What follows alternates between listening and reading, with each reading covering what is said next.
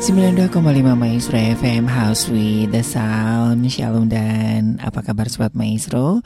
Puji dan syukur ya kepada Tuhan Yesus Kristus yang masih memberikan kita kesempatan bertemu kembali di program kesayangan kita Mutiara Sabda. Saya penginjil Ari, juga Bapak Pendeta Yaya Purwanto dan rekan Junius kembali menemani Anda untuk kita kembali bersama-sama tentang kebenaran firman Tuhan ya. Dan bagi Sobat Maestro yang ada pertanyaan seputar firman Tuhan atau iman Kristiani, langsung bisa SMS atau WhatsApp ya di 081 321 000925. Satu mujizat yang luar biasa di mana kita bisa mengerti dan memahami setiap detail ayat firman Tuhan dan lebih lagi kita melakukannya dalam kehidupan sehari-hari itu yang sering kali ditekankan Pak Penita Yaya Purwanto ya bukan hanya sekedar mengerti tetapi juga melakukan firman Tuhan. Begitu ya Pak Yaya Purwanto? Iya, tentu begitu, harus begitu. Itu baru Oke, okay. mm -mm. ya. Oke, okay. wah hari ini uh, cukup banyak ini Pak pertanyaannya Pak. Kita langsung saja ya Pak ya ke Pak Yakub di Antapani nih Pak Yahya. Shalom Pak Yahya, ini mohon penjelasan tentang satu Korintus Wah ini kayaknya Pasal satu kali mas Oh iya satu Korintus satu uh, Korintus satu 1 Korintus 1 ayat eh, uh, 27 hingga 29. 1 Korintus 1 ini sepertinya ya Pak ya. Iya 1 Korintus 1 ya. Iya, iya. Ini sepertinya nyambung dari firman Tuhan uh, Pak Yahya kemarin ya tentang uh, orang bodoh gitu ya. Nah, apakah benar orang bodoh bisa dipakai Tuhan gitu? Coba kita akan lihat konteksnya nih Pak ya. Coba mungkin bisa dibaca. Oke, 1 Korintus 1 ayat 27 hingga 29. Oh iya, ini tentang hikmat. Tetapi apa yang bodoh bagi dunia dipilih Allah untuk memalukan orang-orang yang berhikmat. Dan apa yang lemah bagi dunia dipilih Allah untuk memalukan apa yang kuat. Dan apa yang tidak dipandang yang tidak terpandang dan yang hina bagi dunia dipilih Allah bahkan apa yang tidak berarti dipilih Allah untuk meniadakan apa yang berarti supaya jangan ada seorang manusia pun yang memegahkan diri di hadapan Allah. Ya, jadi jadi ada dua pengertian bodoh di sini mm -hmm. dalam Korintus yeah. ini. Yang pertama dalam dalam pasal 1 ayat 21 ya. Mm -hmm. Kalau kalau kita baca pasal 1 ayat 21 di situ dikatakan dalam ayat pasal 1 ayat 21 tadi kan pertanyaannya dari ayat 27 ya ayat 27 21 dikatakan oleh karena dunia dalam hikmat Allah tidak mengenal Allah oleh hmm. hikmatnya maka Allah berkenan menyelamatkan mereka yang percaya oleh kebodohan pemberitaan Injil hmm. jadi jadi ini hati-hati ini ada istilah kebodohan pemberitaan Injil di situ. Okay. Maksudnya bukan metode khotbah yang bodoh yang bukan. Bodoh. Hmm. Bukan. Ya, bukan. Ya. Melainkan dalam ayat 21 itu kalau kita bicara soal bodoh itu adalah bahwa ke, maksudnya gini, bagaimanapun pandainya manusia kalau ia tidak mengenal Allah dengan kepandaiannya ya, hmm, hmm, hmm, maka itu berarti apa bahwa bahwa Allah yang sangat penuh kasih itu yang selalu berkenan menyelamatkan manusia yang berdosa, tapi karena orang itu pandai dan tidak mau yeah.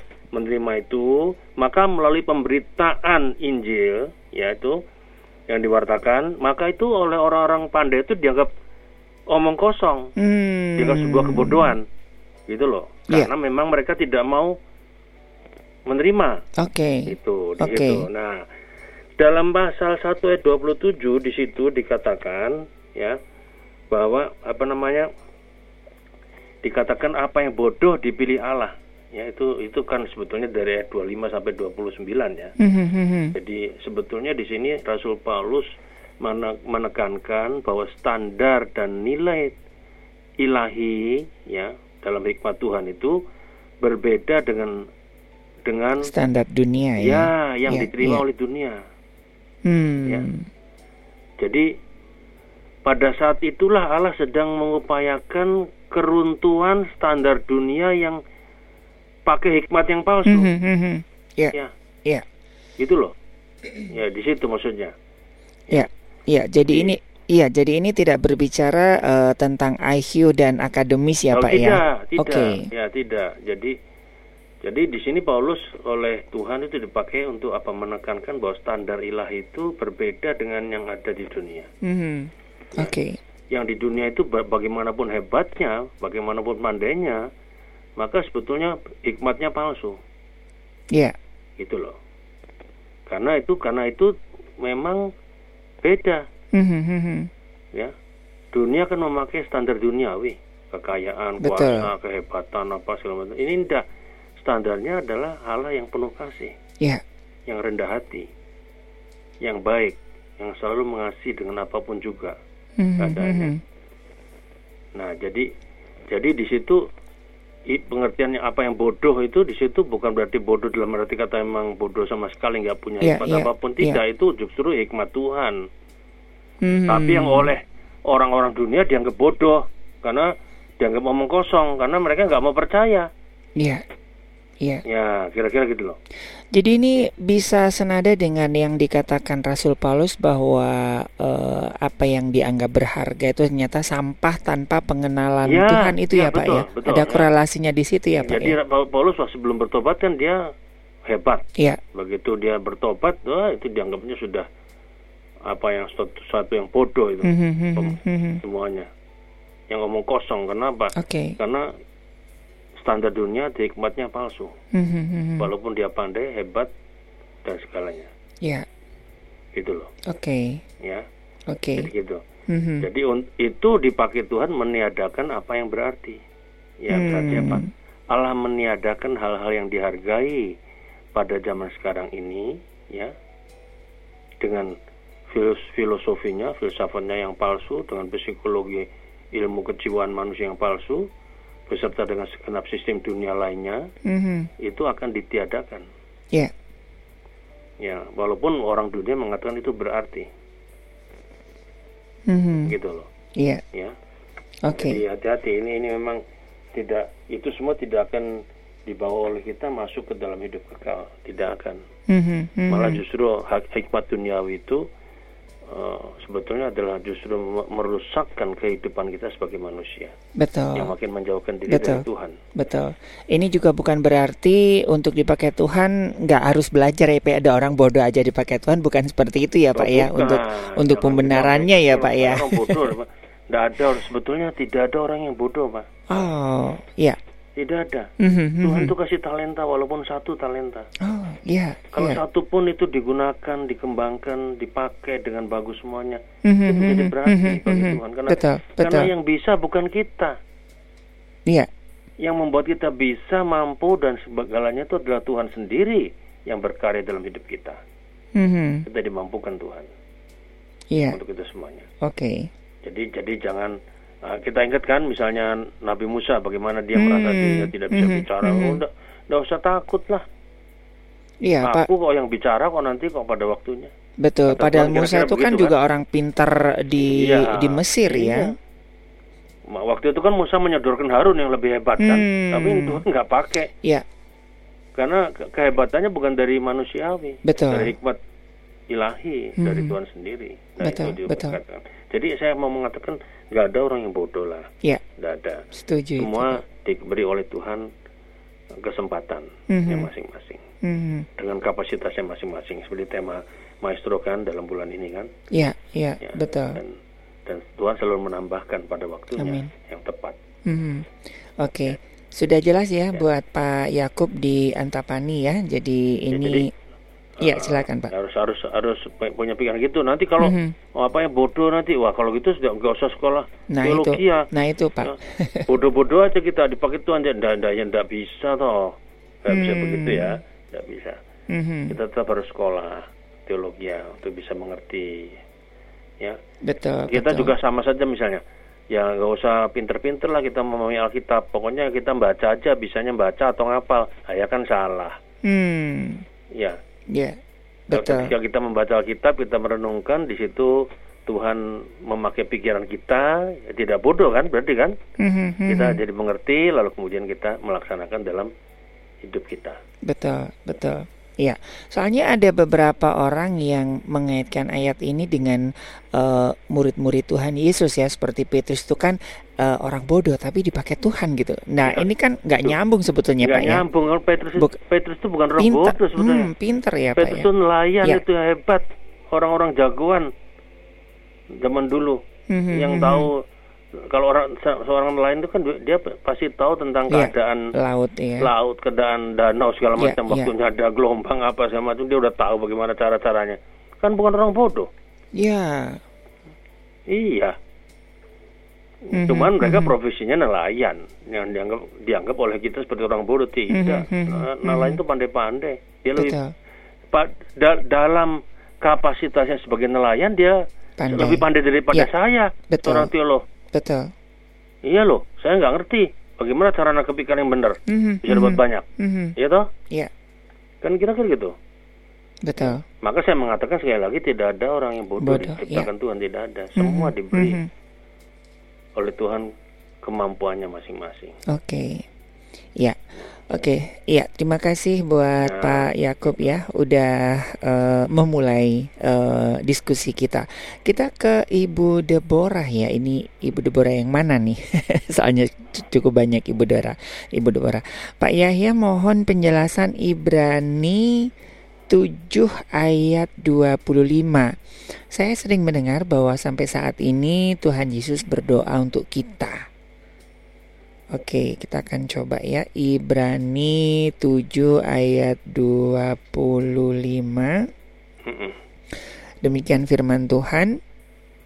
Karena itu ia sanggup juga menyelamatkan dengan sempurna semua orang-orang yang oleh dia datang kepada Allah sebab ia hidup senantiasa untuk menjadi pengantara mereka. Ya, ya. Jadi memang betul. Ibu Deborah sering mendengar sampai saat ini Yesus berdoa memang betul. Hmm, Konsepnya begini ya. Bahwa Kristus itu kan hidup sebagai pengantara. oke. Ya. Seperti imam dah, imam jam dulu mhm. pengantara yang mengan- peng- mengantarakan dari orang berdosa kepada Allah kan. Oke. Dan itu dilakukan dalam upacara-upacara itu, ritual, doa segala macam itu.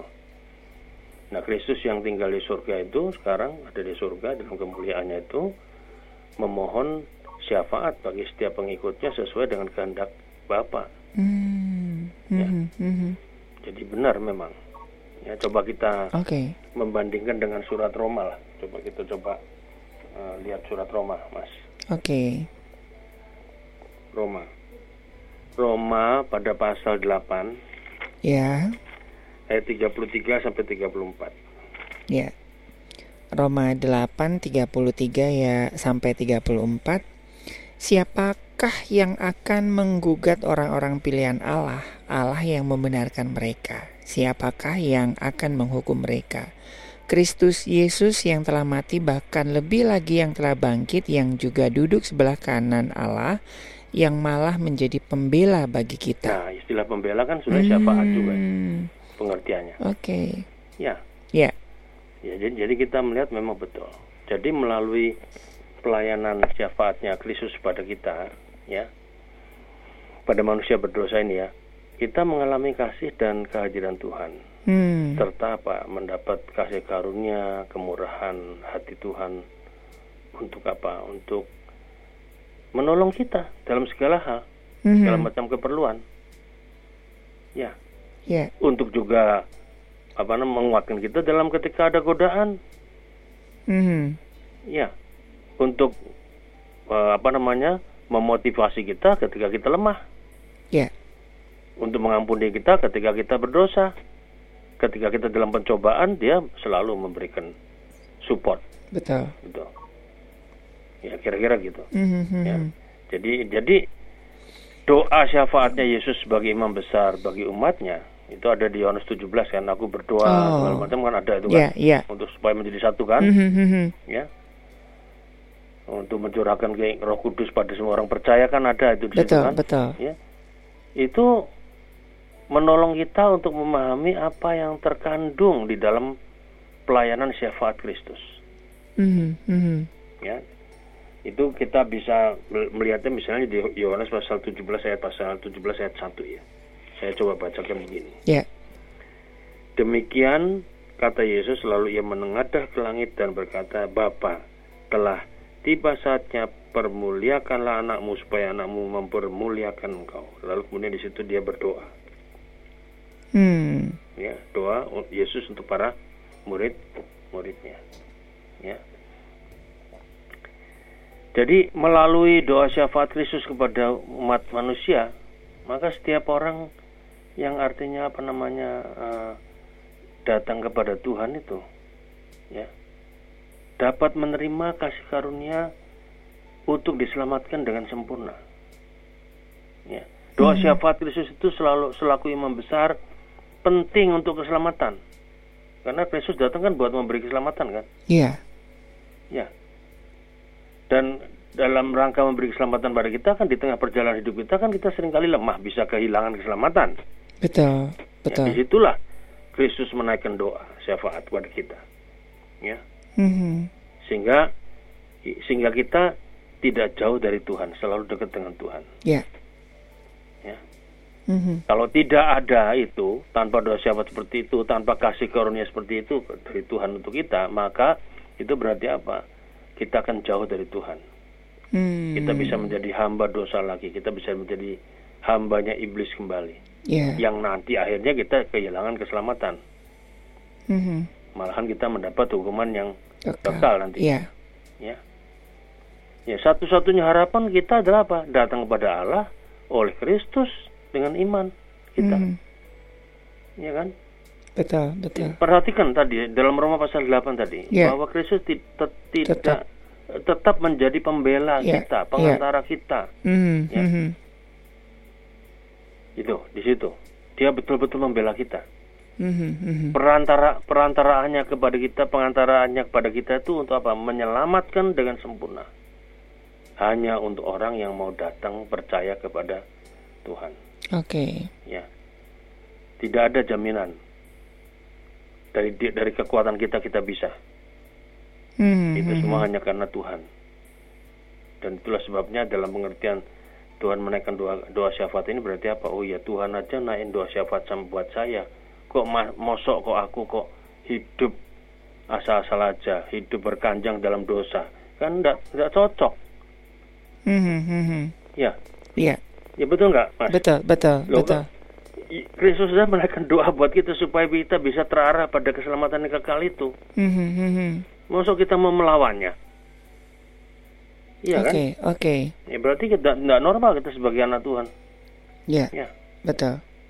Ini ayat ini menarik Pak ya Eh, di ayat yang eh, Roma 8 ayat yang ke 34 eh iya 34 yang disampaikan Pak ya ya. Jadi saya kepikiran eh, kan Tuhan Yesus itu kan Allah itu sendiri. Kenapa mesti harus ada perantaraan itu Pak?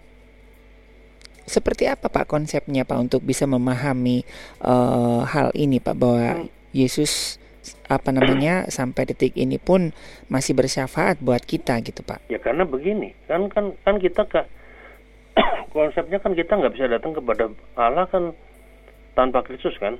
Mhm, mhm. Akulah jalan dan kebenaran. Kebenaran dan itu, hidup. Iya, Itu jalan satu-satunya ya Kristus. iya. Makanya ken- kenapa juga kita menaikkan doa kan selalu pakai dalam nama Yesus kan. Bet oh. Oke. Kenapa pakai nama dalam nama Yesus? Bukan cuma sekedar kata yang diembel-embel Mhm, ditambahkan, mhm, bukan. mhm. Kristus itu pengantara kita yang menghubungkan kita dengan Tuhan Allah. Tanpa dia, perantaraan dia tidak mungkin di, kita akan sampai pada Bapa. Betul, betul. Tidak mungkin itu konsepnya dan di situlah konsep, konsistensinya Yesus kepada kita adalah bahwa sebagai perantara dia dia tetap mendoakan kita. Jadi dia mengawal kita tuh dalam Mhm, doanya mhm. untuk kita sampai pada kehidupan yang kekal. Ya. Itu loh maksudnya. Oke. Iya, Ya, ya. kita kan tidak bisa datang kepada Bapa hanya dengan ke- ke- kemampuan kita dan kekuatan kita. Mhm. Berapa besar dosa kita mau kita hapus pakai apa? Nggak bisa. Betul, Itu betul. hanya bisa kalau dia yang menjadi perantara Mhm, kita. mhm. Saya sering kali menggambarkan dengan sederhana begini, perang pengantara itu ya. kayak kan kenapa Kristus kok punya apa di, digelari anak manusia dan anak Allah kan? Anak Allah, betul. Bukan nama, bukan sebuah sebutan secara harafiah bahwa dia anaknya Allah, bukan. Hmm, hmm, Ya, itu sebutan gelar sebetulnya anak manusia karena dia manusia 100%. Anak Allah karena dia Allah 100%. Gitu loh. Iya, Nah, di dalam di dalam keilahian Tuhan Yesus yang 100% dan kemanusiaan Tuhan Yesus yang 100%, 100%, di situ ya. menyatu dalam diri Yesus. hmm, Dosa membuat kita jauh dari Tuhan. hmm, Ibarat kita apa namanya mau nyebrang jurang yang dalam nggak hmm, bisa. ya, Ya, betul. kita manusia nggak bisa. Tapi ada sebuah jembatan. Jembatan itu Kristus. Jembatan Mhm, itu mhm. harus komponennya ada kemanusiaannya, ada Ke, keilahiannya. iya, keilahian. Betul, betul. di dalam ya. Yesus. Itu loh. Hmm, hmm, hmm, hmm. Jadi oleh sebab itu anak manusia dan anak Allah itu menyatu dalam satu pribadi yaitu Yesus tadi yang merupakan jembatan kita kepada Allah. Kalau Ya. kalau Yesus cuma manusia biasa, dia nggak bisa menjembatani Nggak dia nyampe, betul, betul. biasa. Tapi kalau dia Allah, Allah saja juga nggak bisa. Nggak nyampe juga, betul, Nggak betul. mau dia. Iya, iya, iya. Nggak- nggak mau dia datang ke dalam Hmm, hmm, ngapain? hmm, betul, betul. Ya, le- lebih baik dia tinggal di tahtanya sana. Ya. Dan orang mengemis-emis minta ampun sama Tuhan. Hmm, hmm, hmm, hmm. Ya, kan begitu kan? Betul, betul. Tapi di betul. dalam di dalam penyatuan di di dalam diri Tuhan Yesus tadi ada Allah dan manusia. Hakikat itu dua itu nampak di situ, maka Mhm, di situlah dia berfungsi sebagai pengantara, sebagai Iya, jembatan iya. antara manusia dengan Allah. Hmm, hmm. Ya, manusia yang berdosa tidak mungkin sampai. Ya, Kalau Yesus cuma manusia biasa, cuma setengah, nggak nyambung sampai ke bisa nyambung ke Tuhan tuh nggak bisa. betul, betul. Nah itu konsep pengantara di situ. Mhm, Makanya mhm. dalam konsep pengantara ini ada istilah pembela, lalu kemudian dikatakan Tuhan Yesus juga berdoa untuk kita dalam syafaatnya. Ya. Jadi dia juru syafaat juga kita di surga. Mhm. Oke, iya. Ya. Ya, sudah semakin jelas ya untuk Ibu Deborah. Nah, ini kita lah ke Pak Seto di Banjaran nih. Ini lagi rame nih Pak mengenai eh, di media sosial nih. Udah dilahirkan lembu merah nih ya dan binatang aneh. Bagaimana menurut Pak Yahya ini? Apakah ini eh, tanda-tanda kiamat ini Pak? Ini kayaknya tahun 2000 dulu juga heboh juga nih. Ini sekarang ada muncul lagi. Apakah memang 2000 seperti berapa? 2018 atau 2017 ya itu? Ya itu eh, Sudah sebe- ada kan? sebelum saya lulus sekolah teologi ya sudah ada itu Pak yang heboh itu Pak. Ya, iya kan ada kan? Iya iya. Apakah memang harus dibuktikan dengan lembu merah itu? Itu itu memang secara fisik atau hanya simbol atau seperti apa nih Pak Jadi supaya kita heboh? Kalau secara harafiah istilah istilah lembu merah itu ada lembu betina merah itu ada di dalam bilangan 19 ayat 2 Hmm. Ada. ya ada itu kan bunyinya bunyi, saya coba bacakan ya Oke. bilangan, bilangan 19 ayat yang kedua Mhm, mhm. ini bunyinya begini ya Inilah ketetapan hukum yang diperintahkan Tuhan dengan berfirman, katakanlah kepada orang Israel, supaya mereka membawa kepadamu seekor lembu betina merah yang tidak bercela, yang tidak bercacat, yang tidak ada cacatnya, dan yang belum pernah kena kuk. Hmm. Dan haruslah kamu memberikannya kepada Imam Eleazar, maka lembu itu harus dibawa keluar tempat perkemahan lalu disembelih di depan imam. Istilah Hmm, ini secara harafiah ini. Iya. Ya. Jadi dalam ini ini ini kan soal tafsiran nih. Tafsiran betul betul. Ada juga yang yang Jadi menafsirkan lembu merah ini Rusia. Nah, padahal Rusia itu kan rusa merah iya, ya. Semua tafsiran juga semua. Pokoknya begini. Pokoknya menurut eh, apa menurut cerita ini adalah bahwa kelahiran lembu merah ini di tanah suci itu adalah di- menyebutkannya sebagai sebuah elemen yang penting dari nubuat Alkitab tadi itu Hmm. di keluaran di bilangan 19 ayat 2 tadi Iya, yang dipercaya oleh para orang-orang yang menganut agama Yahudi, Yahudi. terutama iya. yaitu adalah hari penghakiman, Mhm. gitu kan? Nah, jadi eh, ya jadi eh, sebetulnya ini kan sebetulnya ini kan diungkapkan ini kan melalui Temple Institute yang ada di Israel, Mhm. ya. Betul. Yang itu dikaitkan dengan kembalinya eh, orang-orang Yahudi ke Israel setelah 2000 tahun. Lalu bait suci dibangun kembali. Ya. Lalu kemudian nah di situlah simbolnya adalah kelahiran Lembu merah. merah tadi. Ya. Jadi gitu. Mhm, Nah. mhm. Tapi ternyata ya lembu merah, tapi di Temple Institute ini ya, lembu merah yang hadir pada waktu tahun Pak tadi Mas Ari sebelum lulus sekolah teologi sudah ada kan isu itu kan. Mhm, mhm. Itu kan dilihat. Bener-bener Oke. merah bener semua apa enggak? Ya, ya. Ya. Bener-bener seragam nggak warnanya atau Hmm. belang belentong kalau belang belentong ya bukan walaupun dominan merah Ya, kan itu kan selalu begitu betul, betul. lalu terakhir berapa tahun lalu tang tanggal tahun 2018 atau Mm-mm. 2017 ya saya Se- lupa Iya, sempat muncul lagi ya muncul lagi tuh Iya. para rabi-rabi Yahudi tadi itu itu ada lagi datang sapi merah Mhm, ya tapi itu juga dimonitor terus dengan Mhm. ketat mhm. ya diperiksa lagi waktu satu bulan dua bulan tiga bulan apakah itu sesuai dengan kualifik- kualifikasi ya kan Ya. ternyata enggak juga gitu loh Hmm. jadi eh, sebetulnya sebetulnya ya ini adalah paham Yudaisme sebenarnya Oke. Ya. yang menolak Yesus sebagai Mesias Mhm.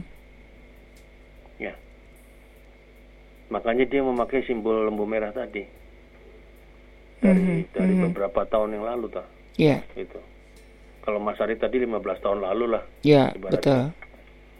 Kalau yang sekarang berapa tahun lalu lima tahun lalu kan 2018 Mhm, mhm. 2023 sekarang Ya. jadi itu digambarkan seperti tanda akhir zaman ya nah, Temple Institute di Yerusalem itu mengumumkan lahirlah anak itu lewat YouTube kan itu kan Mhm, semua mhm. ributnya kan di YouTube kan. Betul, betul. Ya. Di media sosial. dan anak sapi itu akan menjalani pemeriksaan intensif Mhm. dicek di anu apakah seluruh tubuhnya warnanya merah, Merah, betul. apakah bayi sapi betina itu ditemukan bebas noda Mhm, Ya, Sempurna gitu ya. ya. nah ini ini ini lebih dikuatkan lagi dengan munculnya foto yang dinarasikan sebagai tanda-tanda itu yang kedua itu gambar hewan Gambar hewan, itu betul, betul. seperti kadal besar itu Mhm, mhm. Ya, wow kalau gitu bener ini karena ini ini juga yang kadal besar ini ada di agama Islam ada. Mhm, mhm.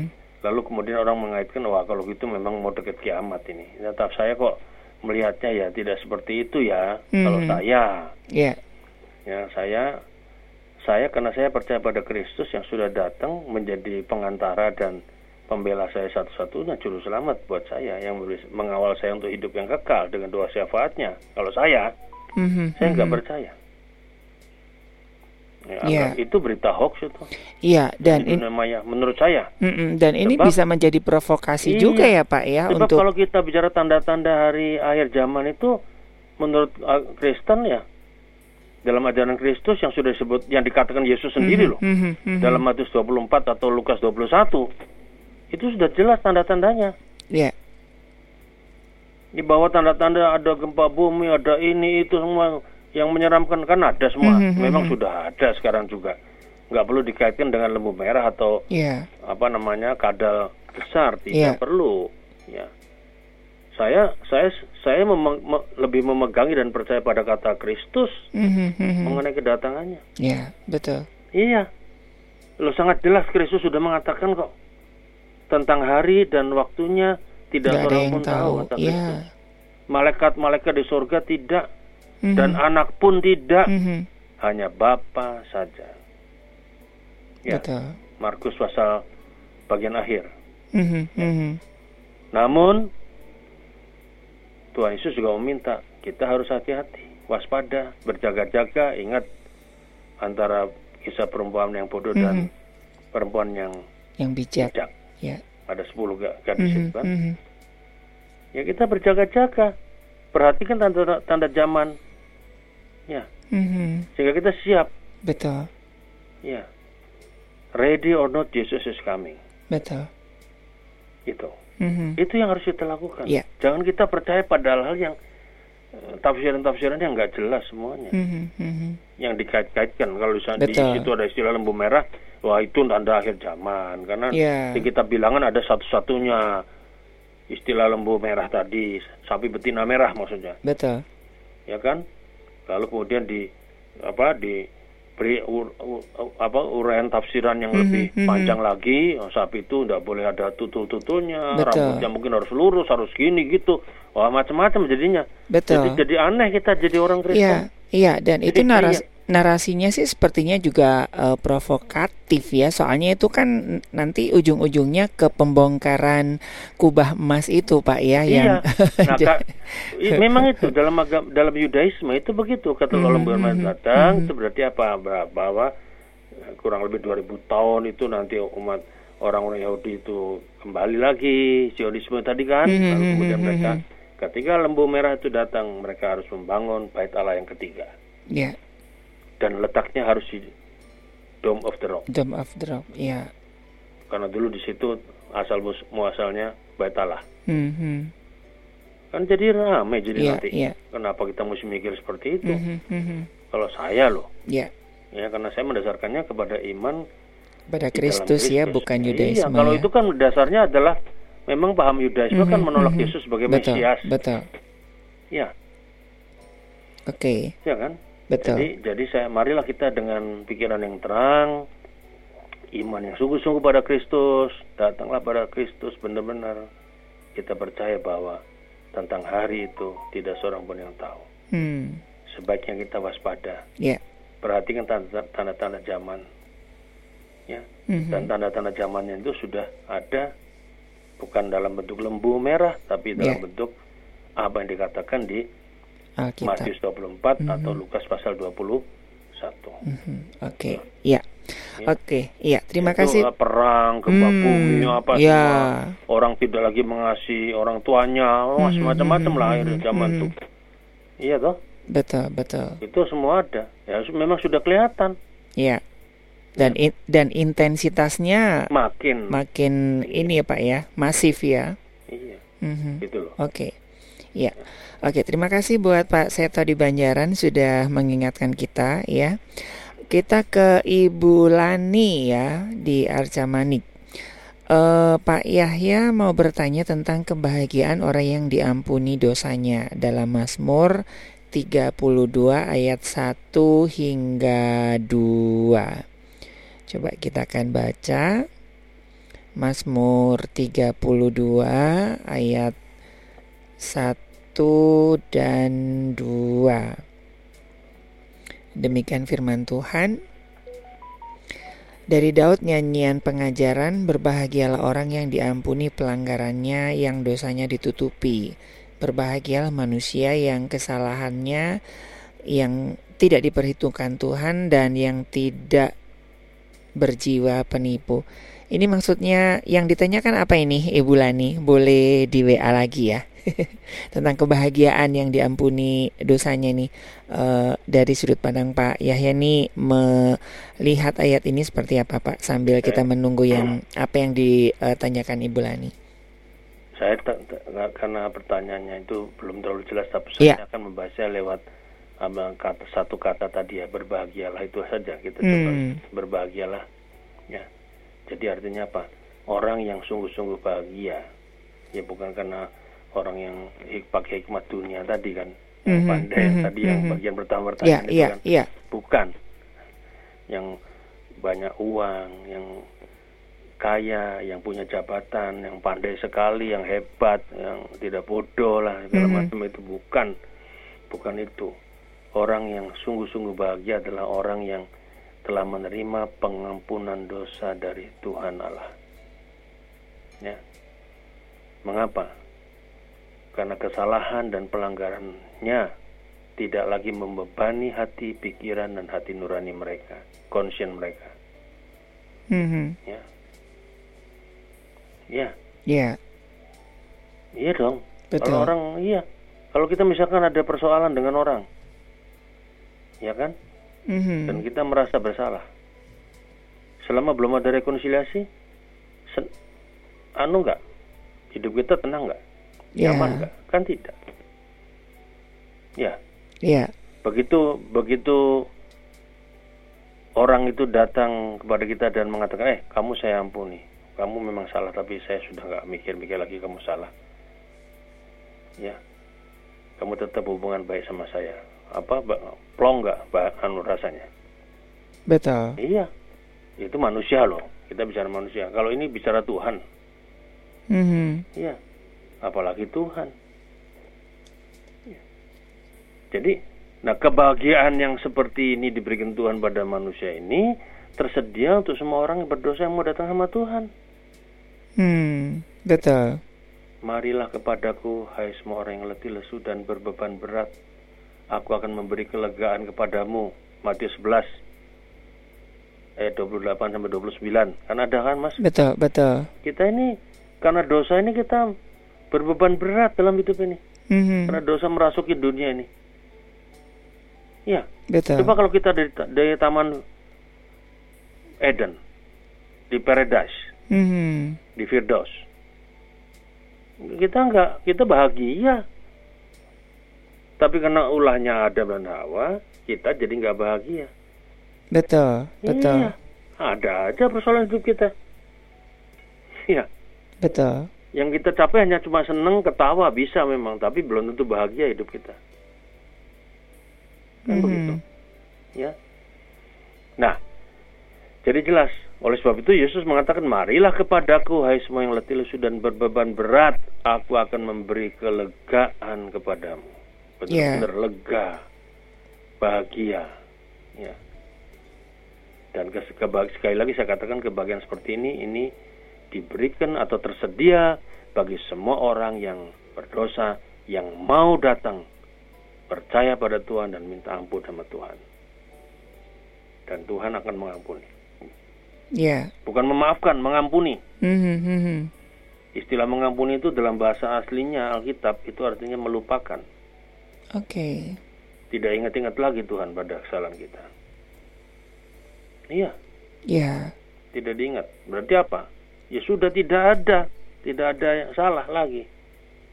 Betul. Ya, tapi harus bertobat kan begitu kan? Mhm, mhm. Nah, Mazmur 32 itu tadi kan ya toh berbagai orang yang diampuni pelanggarannya.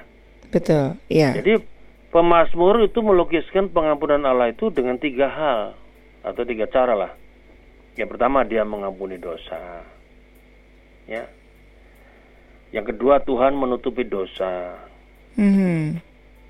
Yang ketiga tuh dosa itu nggak diperhat diperhitungkan lagi kepada orang yang berdosa tadi di ayat yang kedua khususnya.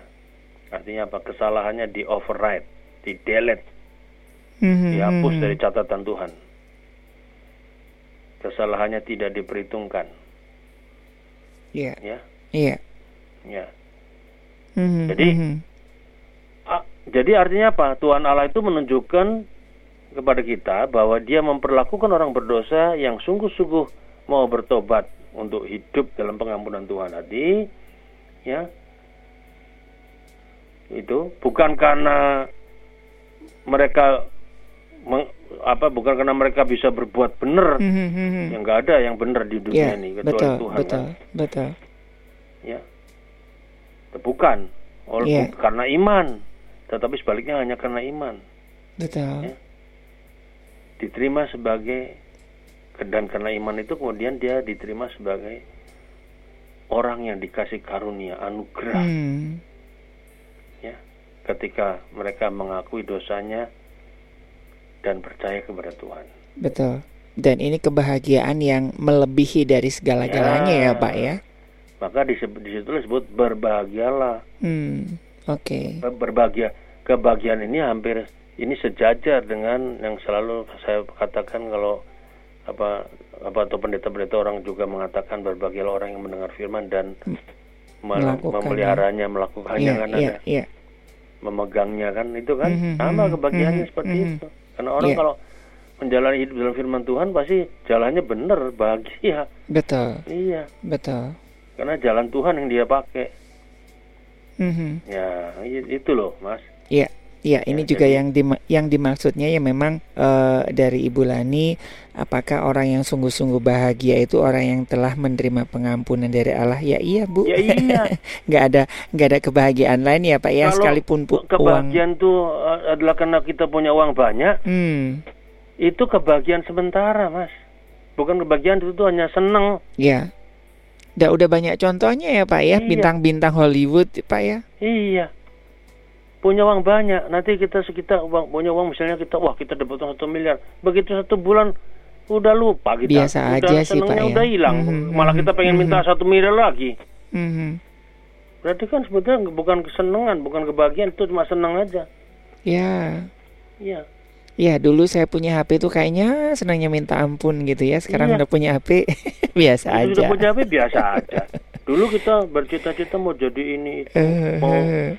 sekolah sampai S3 mungkin. Mhm, Waktu kita mhm, sudah mhm. sampai S3 ya biasa aja. Sudah Iya. dicapainya. Ya. Jadi itu bukan bahagia, bukan. Itu hanya senang orang. Mhm. Ya. Tidak membuat bahagia. Ya. Jadi saya mau uh, memperli- memperlihatkan bahwa orang yang berbahagia adalah orang yang memang kesalahannya nggak diperhitungkan Tuhan. Maka saya katakan tadi pemazmur melukiskan kebahagiaan tadi dengan tiga cara. Pertama, Tuhan mengampuni dosa, ya artinya melupakan kan. Kedua, Tuhan menutupi dosa, ya dosa disingkirkan jauh-jauh dari orang itu oleh Tuhan. Yang ketiga, dosa nggak diperhitungkan lagi. Nah, artinya diperhitungkan dalam arti kata tidak ada hukuman lagi, selesai. Ya, kesalahannya dihapus dari catatan Tuhan, di delete sama Tuhan. Dan Iya. ya kalau itu terjadi kan sukacita gitu. Makanya itu begitulah. Ya. Mhm, mhm. Nah, kebahagiaan-kebahagiaan seperti ini juga juga sejajar juga dengan lalu kita mendalami lagi lewat PA itu dengan apa yang ada di khotbah di Bukit pasal 5 ayat 1 sampai ayat berapa 12 kalau nggak salah. Mhm, mhm. Ya kan? Ucapan bahagia Yesus kan ada. Ya, Ya, oke. sama. Ya. Ya. Oke, sudah eh, cukup jelas ya Ibu Lani ya. Kita ke pertanyaan terakhir nih dari Pak Harli ya. Ini eh, mau tanya tentang pekerjaan Rasul Paulus begitu ya. Dan di mana ayatnya? Kalau nggak salah tukang tenda gitu apakah ada pekerjaan lain nih Pak Yaya Purwanto? Ya, itu nanti bisa dicari ayatnya di itu. Tuh, Dia dia dia memang as- asalnya begitu, tetapi kalau kita bicara ketika dia mulai bertobat itu semua ditinggalkannya dan kemudian dia pekerjaan dia cuma satu yaitu mengabarkan Injil. Hmm, itu hanya sebagai ini ya untuk Ya. tukang tenda itu hanya sebagai kehidup apa eh, penghidupan sehari-hari ya, hidup Pak ya. sehari-hari yang memang tidak terlalu penting buat dia karena Ya. dia lebih banyak itu. Mhm. Jadi kita melihat dan itu dibuktikan dengan dari semua yang ada di dalam ayat Alkitab di Hmm. surat-surat Paulus bagaimana dari tahun ke tahun dia kan apa namanya menulis surat-surat itu dengan dengan apa dengan pengalaman-pengalaman yang luar biasa mulai dari di penjara Mhm, mhm. ya toh Ya, mengabarkan Injil yang pertama perjalanan pertama kedua sampai ketiga kan gitu kan ya, jadi memang itu terj- luar biasa karena itu perjumpaan yang luar biasa. Dia mengalami sesuatu yang luar biasa dari Tuhan sehingga Hmm. dia tidak bisa tidak dia harus memberitakan Injil. ya, Jadi hidupnya yang baru dipakai untuk memberitakan kabar baik. Dulu hidup lamanya dipakai untuk memberantas orang-orang Kristen. Mhm. Ya toh menganiaya. betul. Tapi Iya. ketika dia bertobat hidupnya yang baru dipakai buat memberitakan kabar baik, melayani jemaat-jemaat Tuhan dari kota ke kota tadi semuanya ya.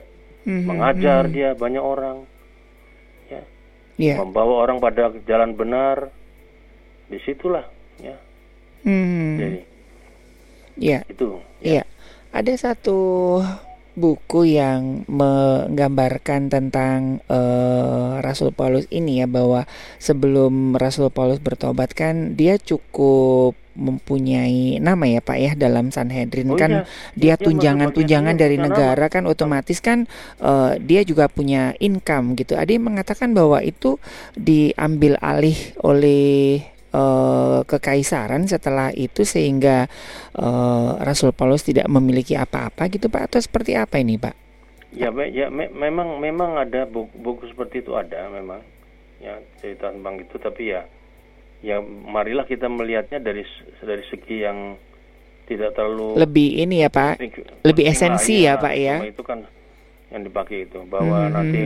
Pekerjaan dialihkan ke siapa itu siapa Ya. tidak terlalu penting. ya Tapi yang lebih penting adalah bagaimana saya mau mengatakan Rasul Paulus itu memang luar biasa Betul. katakan karena ketika dia mengalami perjumpaan dengan Tuhan itu ya yang pada waktu dia buta nah, Mhm, ya kan? mhm, mhm.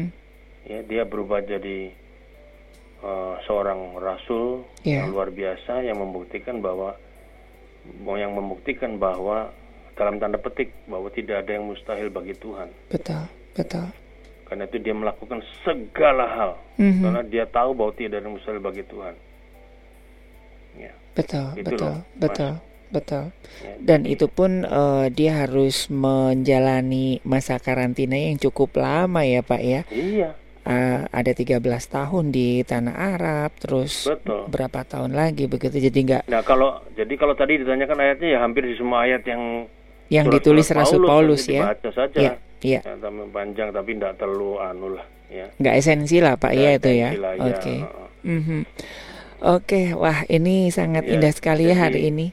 Itu yang tadi saya katakan statement tadi yang terakhir itu bahwa ti- yang hebat itu adalah bahwa perubahannya Paulus Yes. itu membuktikan bahwa ya apa yang dia kerjakan itu tidak ada yang mustahil bagi Allah. Mhm, Makanya dia mhm. mengerjakan semuanya. Betul. Karena dia tahu bahwa kalau dia mengerjakan tuh gak ada yang mustahil bagi Tuhan. Ya, Mhm, mhm. kalau wak- pada waktu dia menjadi penganiaya orang Kristen, mus, eh, ada yang mustahil dalam bagi buat dirinya sampai dia harus buta. Iya, Iya kan? betul.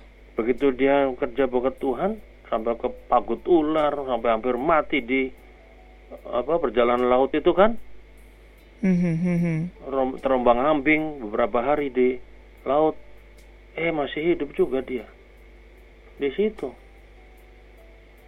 Mhm. Akhirnya dia membaktikan hidupnya semuanya untuk Tuhan, gitu loh.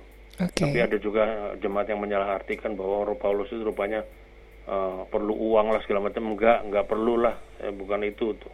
Motivasi saya kan kira-kira begitu kan? Mhm, mhm. Pernah ada kan? Betul, betul.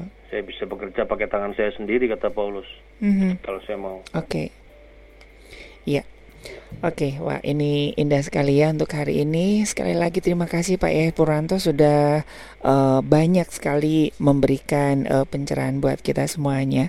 Sehat selalu Pak Yahya Ya, Purwanto. sa- sa- satu lagi satu Oke. lagi buat Pak Harli. Jadi yang saya mau tekankan itu sebabnya kenapa Paulus mengatakan bahwa semua yang saya punya dulu, yang saya Hmm, bilang hmm, hmm, untung, hmm, sekarang hmm. rugi, Iya, saya anggap itu sampah semuanya sampah pekerjaan apa pun yang dulu dilakukan itu sampah iya. tidak ada pekerjaan yang lebih mulia daripada memberitakan Injil. kabar baik Tuhan Iya. dan melayani dia dan memuliakan dia Oke. ya jadi Pak Harli harus bisa mengikuti ini kita semua harus bisa Iya. Oke. nanti berkat Tuhan akan mengiringi Amin. kita Amin. Iya. ya Oke, iya terima kasih Pak Pendeta Yaya Purwanto dan terima kasih juga buat Sobat Maestro yang sudah bergabung hari ini. Ditunggu ya untuk pertanyaan-pertanyaannya. Nanti kita akan bisa bahas di Mutiara Sabda selanjutnya. Baik dari Gereja Maestro Jalan Kaca Piring 12 Bandung, saya penginjil Ari, Pak Pendeta Yaya Purwanto dan rekan Junius. Mohon pamit dari program Mutiara Sabda. Tuhan memberkati.